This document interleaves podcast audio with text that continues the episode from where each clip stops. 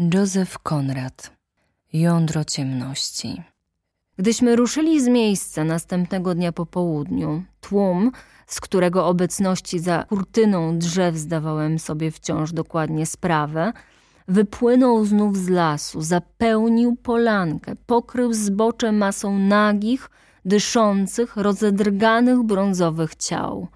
Skierowałem statek w górę, potem zawróciłem w dół rzeki, a dwa tysiące oczu śledziły obroty dzikiego, rzecznego demona, który wśród plusku i głuchych uderzeń bił wodę straszliwym ogonem i ział czarnym dymem w powietrze. Przed pierwszym rzędem tłumu trzech ludzi, umazanych od stóp do głów jasno-czerwoną ziemią, kroczyło niespokojnie wzdłuż brzegu, tam i z powrotem.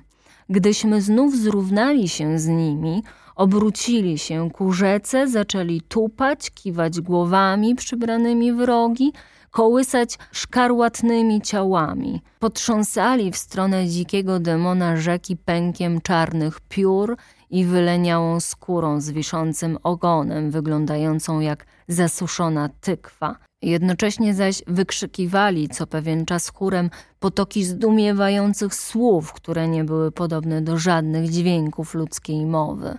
A głęboki pomruk tłumu, urywający się nagle, brzmiał jak odpowiedzi jakiejś szatańskiej litanii. Zanieśliśmy kurca do domku pilota. Było tam więcej powietrza. Leżąc na tapczanie, patrzył przez otwartą okiennicę. W masie ciał ludzkich na brzegu utworzył się wir i kobieta o włosach upiętych w kształt hełmu, o ciemnych policzkach, zbiegła aż na skraj wody. Wyciągnęła ręce przed siebie, krzyknęła coś i cała ta dzika tłuszcza podjęła jej okrzyk wrzaskliwym chórem, skandując go szybko bez tchu. Czy pan to rozumie? Zapytałem. Patrzył wciąż ku brzegowi, rozognionymi, spragnionymi oczami, z wyrazem pełnym tęsknoty i nienawiści. Nie odpowiedział, ale na jego bezbarwnych wargach zarysował się uśmiech. Uśmiech o nieokreślonym znaczeniu, który po chwili ustąpił konwulsyjnemu skurczowi. Jakżebym nie rozumiał, odrzekł powoli, chwytając ustami powietrze. Zdawało się, że te słowa zostały mu wydarte przez jakąś nadnaturalną siłę. Pociągnąłem sznur od gwizdawki, gdyż zauważyłem, że pielgrzymi na pokładzie wydobyli strzelby, a wyraz ich twarzy świadczył, iż cieszą się z góry jakimś dobrym kawałem. Niespodziewany gwizd wywołał ruch panicznej trwogi w zbitej masie ciał. Cicho! Cicho! Pan ich wszystkich odstraszy! krzyknął ktoś z pokładu strapionym głosem. Ciągnąłem za sznurek raz po raz. Rozsypywali się i biegli, skakali, pełzali, przechylali się, starając się ujść przed lotną grozą tego dźwięku. Trzech czerwonych drabów rozpłaszczyło się twarzami w dół na brzegu, jakby ich ktoś zastrzelił. Tylko barbarzyńska, wspaniała kobieta nie drgnęła nawet i wyciągała za nami tragicznym ruchem nagie ramiona nad ponurą i się rzeką. A potem tamta głupia czereda na dolnym pokładzie rozpoczęła swą miłą zabawę i dym nie pozwolił mi już nic dojrzeć. Brunatny nurt płynął wartko w głębi ciemności, niosąc nas w dół ku morzu dwa razy szybciej niż przedtem w górę rzeki. A życie Kurca biegło też szybko, odpływając i odpływając z jego serca ku morzu nieubłaganego czasu. Dyrektor był bardzo spokojny. Nie miał już teraz powodu do istotnych obaw i ogarniał nas obu przenikliwym, zadowolonym spojrzeniem. Cała historia skończyła się tak pomyślnie, jak tylko można było sobie życzyć. Widziałem, że zbliża się czas, kiedy z paczki zwolenników niezdrowej metody zostanę sam jeden. Pielgrzymi spoglądali na mnie niechętnie. Zostałem już, że tak powiem, zaliczony w poczet nieboszczyków. To dziwne, jak się łatwo zgodziłem na to nieprzewidziane wspólnictwo, na ten wybór między koszmarami narzuconymi w mrocznej krainie, niepokojonej przez owe nędzne i chciwe widma. A Kurz rozprawiał. Jakiż on miał głos, jaki głos, dźwięczny, głęboki, aż do ostatniej chwili. Ten głos przeżył jego siłę, aby skryć we wspaniałych zwojach elokwencji jałowy mrok jego serca. Och, jak ten człowiek walczył, jak walczył. Pustkę jego zmęczonego mózgu nawiedzały teraz mgliste obrazy. Obrazy bogactwa i sławy, zjawiające się na zawołanie niewygasłego daru szlachetnej i wzniosłej wymowy. Moja narzeczona, moja stacja, moja kariera, moje pomysły – na te wszystkie tematy wypowiadał od czasu do czasu różne wzniosłe sentencje. Cień dawnego Kurca stawał u łoża płytkiego pozera, którego losem był grób w pierwotnym czarnoziemie. Lecz zarówno szatańska miłość, jak nieziemska nienawiść Kurca do tajemnic, które przeniknął, walczyły o posiadanie jego duszy nasyconej pierwotnymi wzruszeniami – goniącej za kłamliwą chwałą, fałszywymi zaszczytami, za wszelkim pozorem powodzenia i potęgi. Czasami był dziecinny aż do śmieszności. Pragnął, aby spotykali go na stacjach królowie, gdy będzie wracał z jakiegoś upiornego nigdzie po dokonaniu wielkich rzeczy. Trzeba pokazać, że się ma w sobie coś, co może innym przynieść pożytek, a wówczas spotyka człowieka bezgraniczne uznanie. Mawiał. Oczywiście należy zawsze zwracać uwagę na pobudki, słuszne pobudki. Zawsze. Długie wodne przestrzenie pomiędzy kolanami rzeki, identycznie do siebie podobne, monotonne zakręty, nie wyróżniające się niczym, przesuwały się obok parowca – zarośnięte gąszczem stuletnich drzew, patrzących cierpliwie w ślad za tym umorusanym sadzą fragmentem innego świata, zwiastunem zmian, podboju, handlu, rzezi, błogosławieństw. Patrzyłem naprzód, kierując statkiem. Niech pan zamknie okiennicę, rzekł kiedyś Kurt z nienacka. Nie mogę znieść tego widoku. Usłuchałem go. Zapadło milczenie. Och, dobiorę ci się jeszcze do samego wnętrza! krzyknął ku niewidzialnej puszczy. Statek się rozbił, jak tego oczekiwałem, i dla jego naprawy musieliśmy się zatrzymać u przylądka jakiejś wysepki. Dopiero ta zwłoka zachwiała po raz pierwszy ufnością Kurtsa. Pewnego rana wręczył mi pakiet papierów i fotografię, wszystko razem związane sznurowadłem. Niech pan to dla mnie zachowa, rzekł. Ten szkodliwy bałwan, miał na myśli dyrektora, gotów szperać w moich kufrach, kiedy nie patrzę. Widziałem go znów po południu. Leżał na wznak z zamkniętymi oczami. Cofnąłem się po cichu, ale usłyszałem, jak mruczał. Żyć sprawiedliwie, umierać, umierać. Nadstawiłem ucha. Nic już nie usłyszałem. Czy powtarzał przez sen jakąś mowę, a może fragment zdania z dziennikarskiego artykułu? Pisywał dawniej do gazet i znów miał zamiar to robić dla rozpowszechnienia idei. To obowiązek. Ten człowiek tkwił w nieprzeniknionym mroku. Patrzyłem na niego, jak się patrzy w dół na kogoś leżącego na dnie przepaści, gdzie słońce nigdy nie świeci ale nie mogłem mu poświęcać dużo czasu, bo pomagałem maszyniście przy rozbieraniu cieknących cylindrów, przy wyprostowywaniu zgiętego korbowodu i innych tym podobnych sprawach. Żyłem w piekielnym rozgardiaszu wśród rdzy, opiłków, nakrętek, sfożniów, kluczy naśrubkowych, młotków, wiertarek, rzeczy, których nienawidzę, ponieważ nie umiem sobie z nimi poradzić.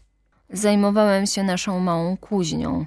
Mieliśmy ją na szczęście na statku. Pracowałem ciężko wśród nędznego śmietnika, chyba że miałem za silne dreszcze, by się utrzymać na nogach. Pewnego wieczoru, gdy wszedłem do kurca ze świecą, przestraszyłem się, słysząc, że mówi trochę drżącym głosem. Leżę tu w ciemności i czekam na śmierć. Światło znajdowało się o stopę od jego oczu. Zmusiłem się do szeptu. Ale cóż znowu? I stałem nad nim jak wrośnięty w ziemię. Czegoś zbliżonego do zmiany, która zaszła w jego rysach, nigdy przedtem nie widziałem i mam nadzieję już nigdy nie ujrzeć.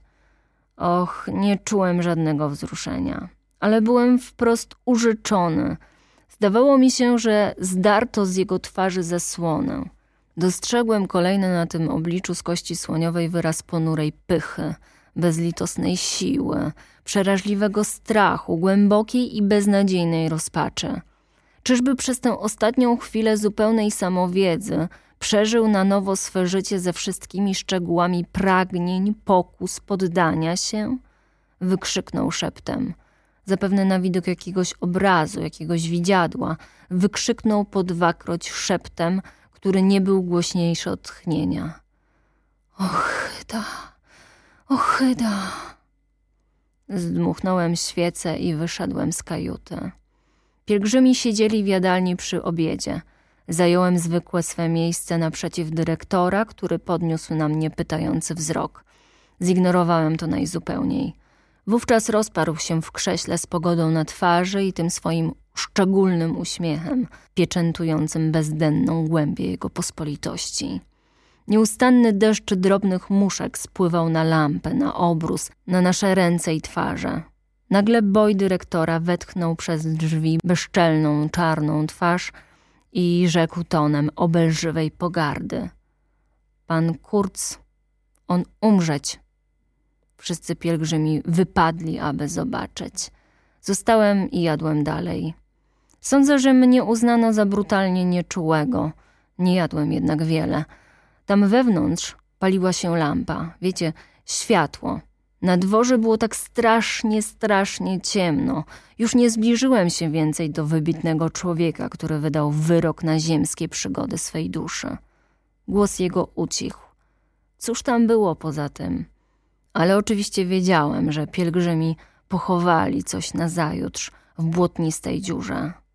A potem bardzo niewiele brakowało, by i mnie pochowano.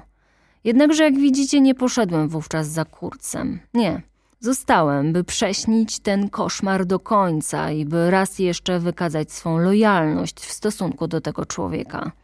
Przeznaczenie. Moje przeznaczenie. Śmieszna to rzecz, życie. Owe tajemnicze kombinacje bezlitosnej logiki dla błahego celu. Co najwyżej można się spodziewać od życia odrobiny wiedzy o sobie samym, która przychodzi za późno i jest źródłem niewyczerpanych żalów. Zmagałem się wtedy ze śmiercią. To najmniej zajmująca walka, jaką sobie można wystawić.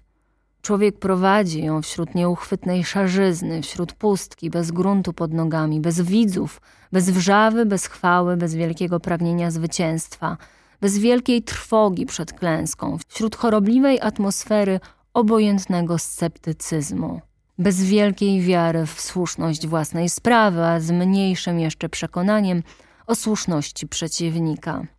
Jeśli taka ma być najwyższa mądrość, to życie jest większą zagadką niż przypuszczają niektórzy. Byłem o włos od owej chwili, kiedy człowiek może się wypowiedzieć po raz ostatni i przekonałem się z upokorzeniem, że prawdopodobnie nie będę miał nic do powiedzenia. Dlatego właśnie twierdzę, iż Kurz był wybitnym człowiekiem. On miał coś do powiedzenia, on to powiedział. Odkąd sam wyjrzałem poza krawędź, rozumiałem lepiej jego wzrok, który nie mógł dostrzec płomienia świecy, lecz dość był dalekosiężny, by objąć cały wszechświat, dość przenikliwy, by przejrzeć wszystkie serca bijące w ciemności. Kurz zsumował, osądził, ochyda. Był to człowiek wybitny. Ostatecznie jego wyrok stanowił pewnego rodzaju wyznanie wiary. Były w nim szczerość i przekonanie. Była drgająca nuta buntu w owym szepcie, było przerażające oblicze prawdy ujrzanej w przelocie osobliwe połączenie żądzy i nienawiści. I pamiętam najlepiej wcale nie swoją własną mękę, ową wizję bezkształtnej szarzyzny przesiąkniętej fizycznym bólem i niedbałą pogardą dla znikomości wszelkich rzeczy. Nawet dla tegoż samego bólu. Nie, Mnie się wydaje, że to jego śmiertelną mękę przeżyłem. Prawda, że to on zrobił ów krok ostatni, że krawędź przestąpił, podczas gdy mnie dozwolono cofnąć wahającą się stopę. I może na tym polega cała różnica. Może wszystka mądrość i wszystka prawda i wszystka szczerość skupiają się właśnie w owej nieuchwytnej chwili, gdy przekraczamy próg niewidzialnego. Może wolę przypuszczać, że nie byłbym zawarł swego stosunku do życia w słowie niedbałej pogardy. Lepszy jest okrzyk kurca, o wiele lepszy. Było to twierdzenie, moralne zwycięstwo okupione niezliczonymi klęskami, ohydnym przerażeniem, ohydnym dosytem. Ale to było zwycięstwo. I właśnie dlatego pozostałem wierny Kurcowi aż do samego końca, a nawet i poza koniec, aż do chwili, gdy w długi czas później usłyszałem raz jeszcze głos. Już nie jego własny, lecz echo jego wspaniałej wymowy przekazane mi przez duszę, przeźroczo czystą jak skała z kryształu. Nie, nie pochowali mnie wówczas. Choć jest pewien okres czasu, który widzę niby przez mgłę, wzdrygając się ze zdumieniem, jakbym wspominał przejście przez jakiś świat niepojęty, wyzuty z nadziei i pragnień. Znalazłem się znów w mieście grobów, podrażniony widokiem ludzi spieszących ulicami, aby zwędzić jeden drugiemu trochę pieniędzy, aby pożerać haniebnie przyrządzone posiłki, łykać niezdrowe piwo, snuć głupie i błahe marzenia. Narzucali się natrętnym moim myślom. Wiedza tych intruzów o życiu była dla mnie irytującym pozorem, ponieważ czułem z całą pewnością, że nie mogą wiedzieć tego, co ja wiedziałem – ich zachowanie, które było po prostu zachowaniem pospolitych indywiduów, zaprzątniętych interesami przekonanych o swym zupełnym bezpieczeństwie, drażniło mnie jako niesłychana chełpliwość głupoty w obliczu groźnych okoliczności, których owa głupota nie jest w stanie zrozumieć. Nie chciało mi się bynajmniej uświadamiać tych ludzi, ale wstrzymywałem się z pewną trudnością od parskania śmiechem w ich twarze, tak pełne tępego zarozumialstwa. Może nie czułem się wówczas bardzo dobrze. Chodziłem po ulicach chwiejnym krokiem, musiałem pozałatwiać różne sprawy, strojąc gorzkie miny wobec różnych wielce szanownych osób. Przyznaję, że moje obejście było nie do darowania, ale też i temperaturę rzadko miewałem normalną w tych czasach. Wysiłki mej drogiej ciotki, usiłującej mnie podtrzymać na siłach, mijały się zupełnie z celem. To nie moje siły potrzebowały pokrzepienia. Należało ukoić moją wyobraźnię. Przechowywałem paczkę papierów powierzonych mi przez kurca, nie wiedząc właściwie, co z nimi zrobić. Matka jego umarła niedawno, pielęgnowana, jak mi opowiadano, przez jego narzeczoną. Jakiś człowiek w złotych okularach, starannie ogolony i odznaczający się bardzo oficjalnym obejściem, odwiedził mnie pewnego dnia i rozpytywał, z początku podchodząc do tej sprawy z daleka, a potem nalegając ze słodyczą, o to, co mu się podobało nazwać pewnymi dokumentami. Nie zaskoczył mnie tym, ponieważ jeszcze w Afryce miałem na ów temat dwie kłótnie z dyrektorem. Odmówiłem wówczas wydania najmniejszego skrawka z tej paczki i pozostałem przy swoim stanowisku wobec człowieka w okularach. Uciekł się w końcu do niejasnych gruźb i jął bardzo gorąco dowodzić, że spółka ma prawo do każdej bez wyjątku informacji o swych terytoriach. Wiedza Kurca o tych niezbadanych jeszcze okolicach, powiedział, musiała być z konieczności rozległa i szczególnie dokładna, dzięki jego wielkim zdolnościom i opłakanym warunkom, w których się znalazł. Dlatego też zapewniłem go, że wiedza Kurca, aczkolwiek rozległa, nie dotyczyła zagadnień handlu lub administracji. Wówczas wezwał na pomoc naukę. Byłoby stratą wprost niepowetowaną, gdyby i tak dalej, i tak dalej. Wręczyłem mu raport o tępieniu dzikich obyczajów, oddarłszy przedtem postscriptum. Wziął go skwapliwie, a potem prychnął nań z pogardą. To nie jest to, czego mieliśmy prawo oczekiwać, zauważył. Nie oczekujcie nic innego, odrzekłem. Reszta to tylko prywatne listy. Wyszedł, zagroziwszy mi sądem i już nie zobaczyłem go więcej. Natomiast inny jakiś facet, mianujący się kuzynem Kurca, ukazał się dwa dni później i chciał koniecznie usłyszeć wszystkie szczegóły o ostatnich chwilach drogiego krewniaka. Mimochodem dał mi do zrozumienia, że Kurz był właściwie wielkim muzykiem. Były w nim możliwości rokujące olbrzymie powodzenie, rzekł ów człowiek, organista, jak mi się zdaje. Gładkie siwe jego włosy spływały na zatłuszczony kołnierz surduta. Nie miałem powodu wątpić o jego twierdzeniu i do dziś dnia nie umiem powiedzieć, jaki był zawód Kurca, czy w ogóle miał jakikolwiek i który z jego talentów górował nad innymi. Wziąłem go z początku za malarza, który pisywał do gazet, czy za dziennikarza umiejącego malować. Lecz nawet jego kuzyn, zażywający tabakę podczas rozmowy, nie umiał określić ściśle zawodu Kurca. Był to uniwersalny geniusz. Zgodziłem się co do tego ze starym jego mościem, który wytarł nos hałaśliwie wielką bawełnianą chustką i wyszedł w starczym podnieceniu, unosząc kilka rodzinnych listów i jakieś mało ważne notatki. Ciąg dalszy nastąpi.